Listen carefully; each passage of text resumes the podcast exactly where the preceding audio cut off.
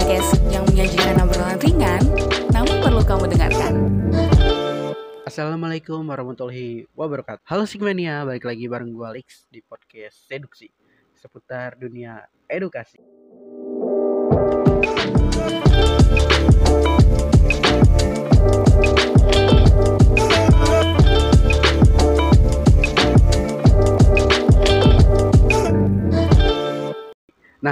Di podcast kali ini gue akan berbincang-bincang soal bahasa, apalagi kalau bukan bahasa Inggris. Ya, bahasa Inggris.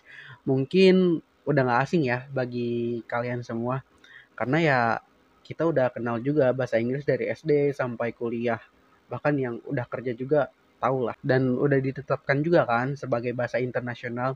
Dan gak jarang juga masih ada orang yang kayak gue nih kesusahan buat belajar bahasa Inggris. Nah makanya tema seduksi minggu ini nih spesial pakai banget buat kalian yang pingin belajar bahasa Inggris. Tema hari ini membahas tentang fluid in English tips and trick bagi pemula. Tentunya gue nggak sendiri dong, bareng narasumber yang cukup berpengalaman. Oh ya, untuk pengalaman yang lebih seru lagi, jangan lupa pakai headset kalian dan cari posisi nyaman and keep listening. Oke? Okay?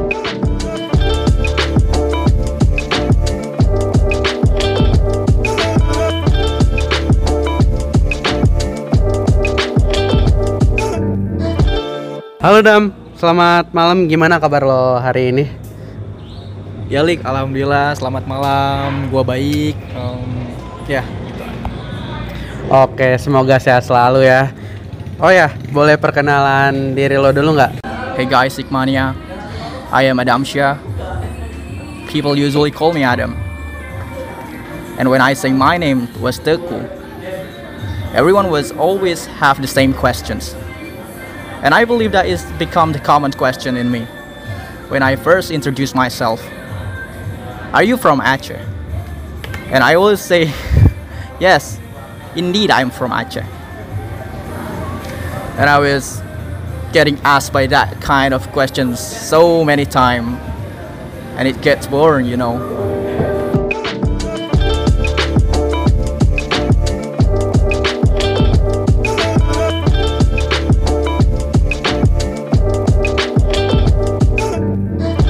Gimana sih awal mula lo tertarik belajar bahasa Inggris dan dari kapan lo mulai pingin belajar bahasa Inggris tuh? Um, pada waktu itu gue itu di kelas 3 SMP. Situ gue mulai tertarik belajar bahasa Inggris karena temen gue yang namanya Ahyar, dia udah lebih mahir dari gue di situ. Terus juga keluarga gue itu udah banyak yang bisa, sedangkan gue sering diledekin di rumah karena gue nggak bisa sendiri. Tapi ada adik gue juga belum bisa sih ya dari situ membuat gue termotivasi untuk belajar juga. Akhirnya gue masuk ke English course yang sama dengan si Ahyar itu.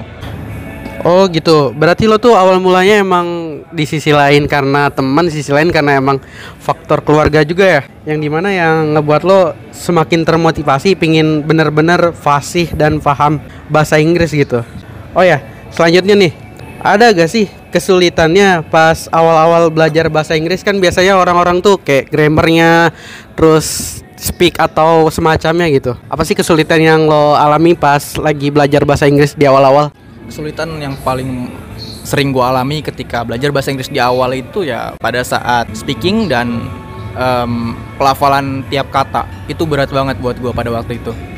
Karena untuk melafalkan satu dua kata dan satu kalimat atau satu paragraf yang utuh itu ada aturannya dan itu harus gue pelajarin satu-satu aturannya sehingga gue nggak salah melafalkannya itu yang menurut gue yang paling berat. Berarti itu emang kayak banyak gitu ya perhitungannya juga. Nggak kayak bisa langsung gitu aja ya. Terus ada nggak sih metode yang lo terapin dalam lo selama ini belajar bahasa Inggris? Dari awal lo belajar bahasa Inggris sampai sekarang yang masih dipertahanin gitu? Kalau untuk metode awal itu gue ikut metode dari English course yang waktu itu gue ikutin. Metodenya tuh menghafal. Jadi menghafal teks percakapan gue ngafalin tuh teks percakapan. Ada pertanyaan ada jawaban. Nah itu gue hafalin keduanya dan akhirnya gue perform di depan. Gue nanya sendiri gue jawab sendiri. Ya dari situ akhirnya gue bisa tuh mulai untuk bikin kalimat-kalimat sederhana gitu kan. Pertanyaan-pertanyaan atau jawaban-jawaban sederhana. Ya begitu deh. Sampai akhirnya gue mulai mencoba melatih diri em, keluar dari teks percakapan itu dan apa ya mulai untuk menyusun kalimat-kalimat jawaban-jawaban tapi yang di luar dari apa yang gue pelajari di buku. Jadi gue berusaha sendiri gue improve sendiri. Berarti emang di sisi lain emang lo pakai metode-metode yang udah pernah lo ikutin di English Club itu lo juga ngembangin-ngembangin sendiri gitu juga ya? iya betul. Gue kembangin sendiri gue improve sendiri. Sampai akhirnya gue bisa em, menjawab segala pertanyaan dalam segala konteks. Jadi selama lo belajar bahasa Inggris dari SMP ya kurang lebih? Eh, ada gak sih kayak lo ikut salah selain English Clubnya atau kayak lo pernah ikut perlombaan-perlombaannya atau semacamnya gitu? Yang di mana kan kalau emang kalau lo ikut lombanya kan makin makin makin tuh. Karena kan prakteknya lebih-lebih lagi karena motivasi lo juga makin tinggi lagi dong kalau lo ikut lomba-lomba atau yang semacamnya Iya betul. Em, kebetulan ketika gue masuk SMA di kelas 11, guru gue nunjuk gue untuk em, jadi delegasi debat bahasa Inggris. Gue jadi speaker pertama di situ. Dan mau nggak mau tugas speaker pertama gue harus define defining mo- motion ya. Jadi gue harus eh, memberikan definisi, limitasi untuk mosi-mosi yang telah dipelajari sebelumnya dan itu berat. 20 mosi gue harus pelajari kedua sisinya. Afirmasi dan oposisinya harus gue pelajari. Dan ketika perform, hal itu memaksa gue untuk menggunakan bahasa Inggris karena mau nggak mau di situasi itu ya harus pakai bahasa Inggris karena judulnya aja debat bahasa Inggris. Jadi hal itu membuat gue eh, menjadi lebih mudah untuk latihan bahasa Inggris lagi. Oke, berarti di sisi lain lo ikut kayak perlombaan-perlombaan gitu, terus lo ikut kursus dan yang lainnya gitu, ternyata lo juga dipilih sama guru lo buat mimpin English course-nya di sekolah lo gitu. Eh, waktu itu kebetulan iya gue disuruh mimpin English course dan juga English club di sekolah gue di SMA 1 Cirwas pada waktu itu. Dan sekarang pun masih ada kok. Alhamdulillah masih berjalan dan perlombaan debat pun masih berjalan sampai sekarang dan berhasil mencetak prestasi di SMA 1 Cirwas. Wah, lumayan juga ya. Yang awalnya tadi lo cuma sekedar eh, karena pingin kayak ngikutin temen lo karena termotivasi juga dari keluarga juga. Yang akhirnya sekarang jadi udah fase banget dan paham dan dapat juga ya dipercaya buat mimpin English klubnya di sekolah. Terus bagaimana dari bahasa Inggris menurut lo yang paling susah dipelajarin? Entah dari segi listening kah, speaking kah atau yang lainnya gitu? Tentu speaking. Karena fundamental dalam berbicara atau dalam berbahasa itu ya tentu speaking atau berbicara tentunya. Itu harus dilatih. Gue harus sering-sering ngomong sendiri. Entah itu di depan kaca atau di ruangan kosong, ya gue harus coba. Dan kalau misalnya nggak punya temen ya yang bisa bahasa Inggris juga ya itu tantangan buat kita. Karena kita nggak ada lawan bicara, otomatis kita harus ngobrol sendiri tapi ya itu jadi suatu kebiasaan dan juga sebuah bentuk latihan yang sangat sangat efektif. Berarti emang kalau dari sisi lo itu lebih ke arah speakingnya itu ya yang lebih susah karena eh, dari bahasa Inggris ke bahasa Indonesia kan emang ada pelafalan-pelafalan yang berbeda banget kan. Yang biasanya dengan kata-kata yang ada pada lingkungan lo terus lo berubah dengan kata-kata yang ada di kata asing lah ya, bukan kata-kata dari bahasa Indonesia. yang di mana juga kan banyak juga orang yang pakai metode yang tadi udah lo sebutin juga. Entah itu kayak apa hafal-hafal yang dia ngomong depan cermin atau dia sama sesama yang lagi mau belajar bahasa Inggrisnya dia kayak ya pelan-pelan ngobrol percakapan bahasa Inggris kali ya. Biar dia juga makin eh kuat lagi nempel lagi kata-kata yang kosakata kosakatanya gitu ya biasanya orang-orang pada susah buat belajar bahasa Inggris ya. Apalagi buat para pemula tuh. Jadi kan mereka tuh bingung mau mulai dari mana mau ngapain dulu harus di bagian apa dulu nih yang dimulai. Nah ada nggak sih tips and triknya dari lo? Dari selama lo tadi yang SMP ya kurang lebih dari kelas 9 bukan? Sampai sekarang gitu. Ada nggak sih tips dan trik gimana caranya lo bisa belajar bahasa Inggris dan sampai sekarang tuh masih melekat gitu Walaupun notabene teman-teman lo banyaknya orang pakai bahasa Indonesia juga. Jadi kalau untuk tips and trick khusus dari gua yang bukan dari English course gua, em, gua nyoba nonton entah nonton film ataupun video-video vlog di YouTube. Dari situ kan banyak eh, kalimat-kalimat atau frasa-frasa yang bisa kita tiru. Nah, itu coba kita lafalkan, kita pahami artinya, kita coba di real life. Maksudnya di kehidupan kita langsung kita coba itu em, kata-kata atau frasa-frasa yang udah dipelajari di YouTube itu. Karena jelas mereka mengucapkan suatu phrasal phrase atau apa namanya kalimat-kalimat yang idiom kayak gitu-gitu itu kan banyak yang kita tuh sebenarnya nggak belajar di sekolah. Kalau misalnya kita belajar langsung dari dengan cara mendengarkan dan juga mengimitasi, maka itu akan memudahkan kita untuk bisa mengucapkan yang sama dengan mereka. Menurut gua gitu sih. Oke, berarti emang itu lumayan bakal efektif juga ya kalau diterapin biasa buat para para pemula gitu. Ya mau itu baik dia jenjangnya SMP, SMA, bah- bahkan kuliah sekalipun ya. Ada nggak sih trik cepetnya gitu untuk menghafal atau memperbanyak vocab? Ya kan itu salah satu yang fundamental juga ya. Di sisi lain lo harus belajar speak, listening juga karena kan lo harus mulai ngebiasain juga tuh ngedengar bahasa bahasa Inggrisnya.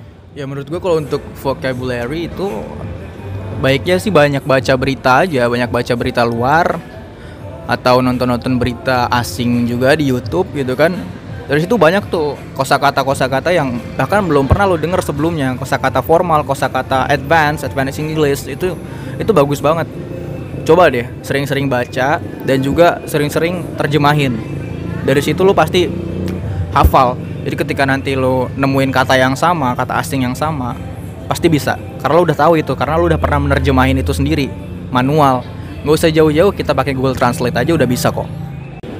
Oke, jadi dari perjalanannya itu emang lumayan juga ya yang tadinya ada mini nggak bisa bahasa Inggris sampai kayak dia termotivasi berawal dari temennya terus lingkungannya juga kan ngebuat dia kayak ngepus biar gimana bisa bahasa Inggris dan dia juga udah kayak ngasih tahu kita juga kan gimana cara tips and triknya juga nah ada pesen nggak sih buat Sigmania atau orang-orang yang baru mau mulai belajar bahasa Inggris. Jadi pesan gue untuk orang-orang yang mau baru belajar bahasa Inggris, baiknya sih coba cari teman dulu nih yang sekiranya mau belajar juga. Jadi biar kalian tuh belajarnya gampang. Karena ada temen, ada lawan bicara.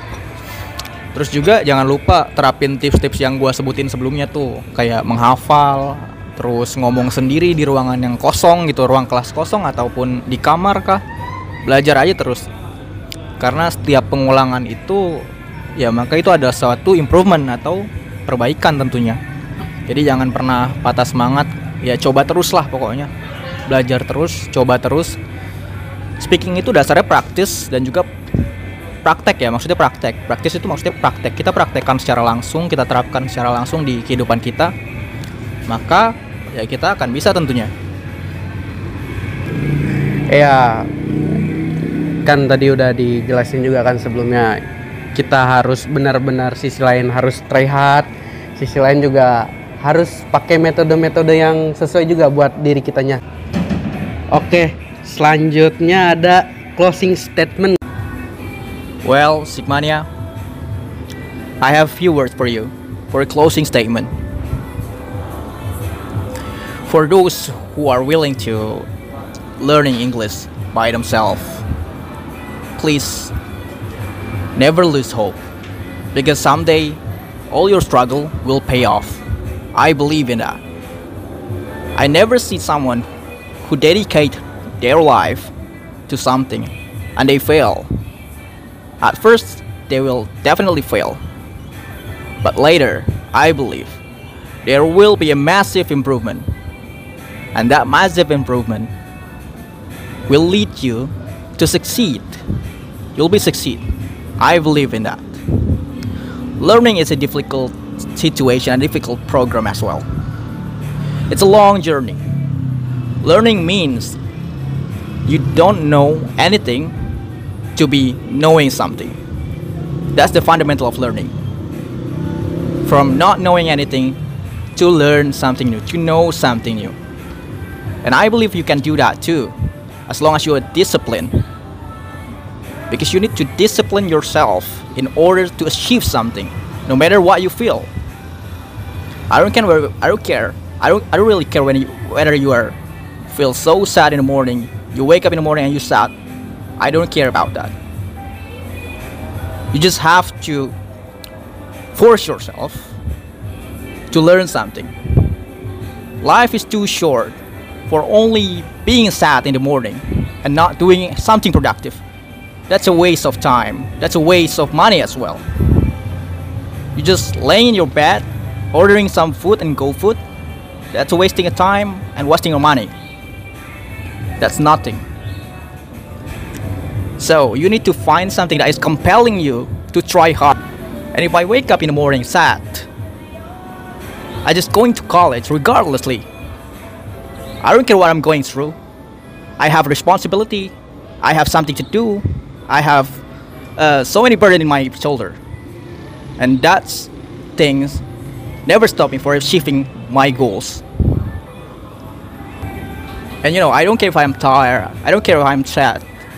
Right now, this time, my friend Malik told me to do an interview with me, and I put all my emotion aside regardless of anything, I still do with the interview with Malik. I still do the in- interview, no matter how I feel. I don't really care about that. Because I believe after this interview, there will be a massive improvement in my life. Because this is my very first interview. I've never been interviewed by someone this formal. So,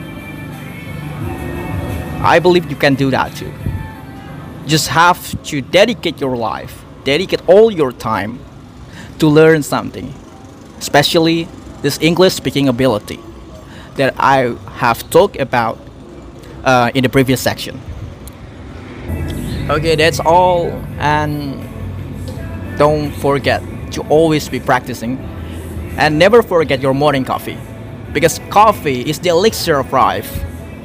It is the substance that give you a mental clarity so you can easily comprehend any subject or any situations. Caffeine is the enhancer of the mental clarity. So i suggest you to take two or three cups of coffee a day okay that's all only four minutes short statement from me, Adam Shah. Thank you very much for listening.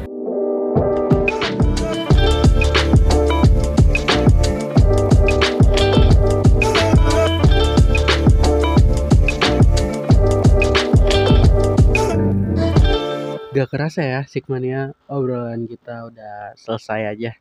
Makasih juga ya Dam udah meluangkan waktu lo buat sharing-sharing seputar tips and trik belajar bahasa Inggris.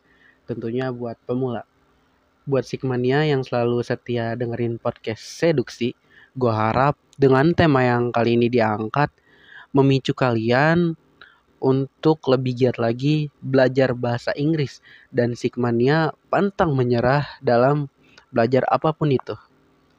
Oke Sigmania, sepertinya kita berdua pamit undur diri.